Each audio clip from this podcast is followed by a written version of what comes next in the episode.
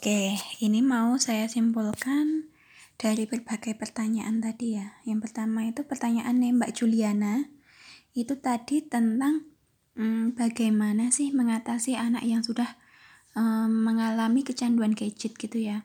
Kemudian anak itu apa ya, ya kecanduan gitu. Apa yang harus dilakukan? Apakah itu akan mengganggu motoriknya anak?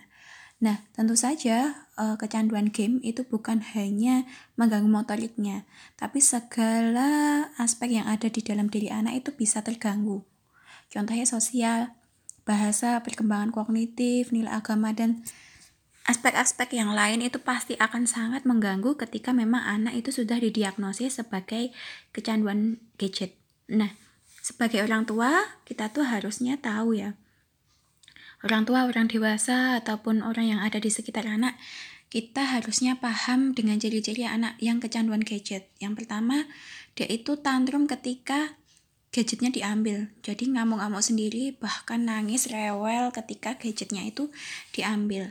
Dan ngamuknya itu nggak wajar gitu. Dia itu kayak kehilangan sesuatu yang sebenarnya itu apa ya ketik ya memang kalau diambil kan biasanya memang rewel tapi itu rewelnya sampai seharian gitu contohnya. Itu se salah satu indikator bahwa anak itu kecanduan gadget. Nah kalau kita mau deteksi dini apakah anak itu kecanduan gadget atau tidak itu sebenarnya ada checklistnya. Next checklistnya itu apa ya ya terbukti bahwa anak itu memiliki ciri-ciri anak kecanduan gadget yang harus dilakukan adalah konsultasi dengan ahli. Ahlinya siapa? Ya psikolog, ya psikiater. Adanya di mana? Biasanya di rumah sakit jiwa itu ada atau rumah sakit umum pun ada. Nah, ini yang sering terjadi orang tuanya itu kadang-kadang enggak mau mengakui bahwa anaknya itu bermasalah. Akhirnya bermasalah berkelanjutan dan tidak ada penyelesaian sama sekali. Yang harus dilakukan ya apa? Ya konsultasi dengan ahlinya itu wajib Nah, masalahnya kita itu belum melek melek kesehatan mental gitu. Jadi dianggapnya biasa aja keterusan sampai dewasa. Bahkan ini bisa jadi penyakit atau disease. Jadi penyakit itu ini sudah dinamakan sebagai penyakit mental ketika anak itu kecanduan gadget.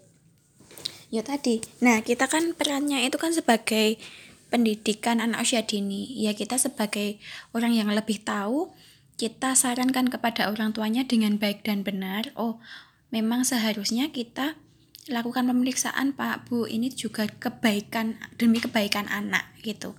Nah setelah itu eh, kita konsultasi sama ahlinya, pasti ahlinya itu akan memberikan masukan-masukan juga kepada orang tuanya. Namun, yang harus diperlukan adalah dengan cara konsisten atau konsistensi. Nah, Konsisten itu seperti apa? Seperti membuat jadwal. Jadi, kalau untuk anak itu sudah ada jadwalnya. Usia 0 sampai 0 sampai 1 tahun atau 0 sampai 2 tahun itu sama sekali tidak boleh melihat layar atau melihat uh, apa ya? Ya HP itu tidak boleh sama sekali terlihat oleh anak usia 0 sampai 1 tahun. Sedangkan usia-usia TK itu maksimal dalam satu hari itu hanya satu jam. Nah, ini maksimal loh ya. Maksimal itu satu jam satu hari. Jadi entah itu kalau pagi nanti di setting 15 menit siang 15 menit sore 15 menit itu yang nyeting orang tua dan anaknya. Kita harus bisa apa ya mendiskusikan ini dengan anak. Contohnya pagi itu 15 menit. Itu lihat kontennya apa kemudian apa yang dilihat anak itu kita yang apa ya yang menyaring, menyaring konten dan apa yang dilihat itu kita sendiri sebagai orang tuanya gitu. Nah, uh, setelah itu kalau sudah 15 menit ya diambil dan itu harus konsisten. Ketika 15 menit tank ya harus diambil ya diambil segera. Entah anak mau nangis, entah anak mau ngamuk, terserah. Karena kita sudah buat kesepakatan dari awal. Itu. Itu yang dilakukan. Jadi konsistensi itu jangan sampai lepas.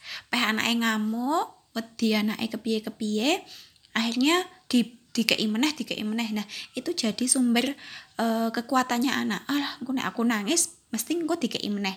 Nek aku nangis dikei meneh nah kita sebagai orang dewasa itu harus lebih cerdas dibandingkan dengan anak-anak atau dengan mereka.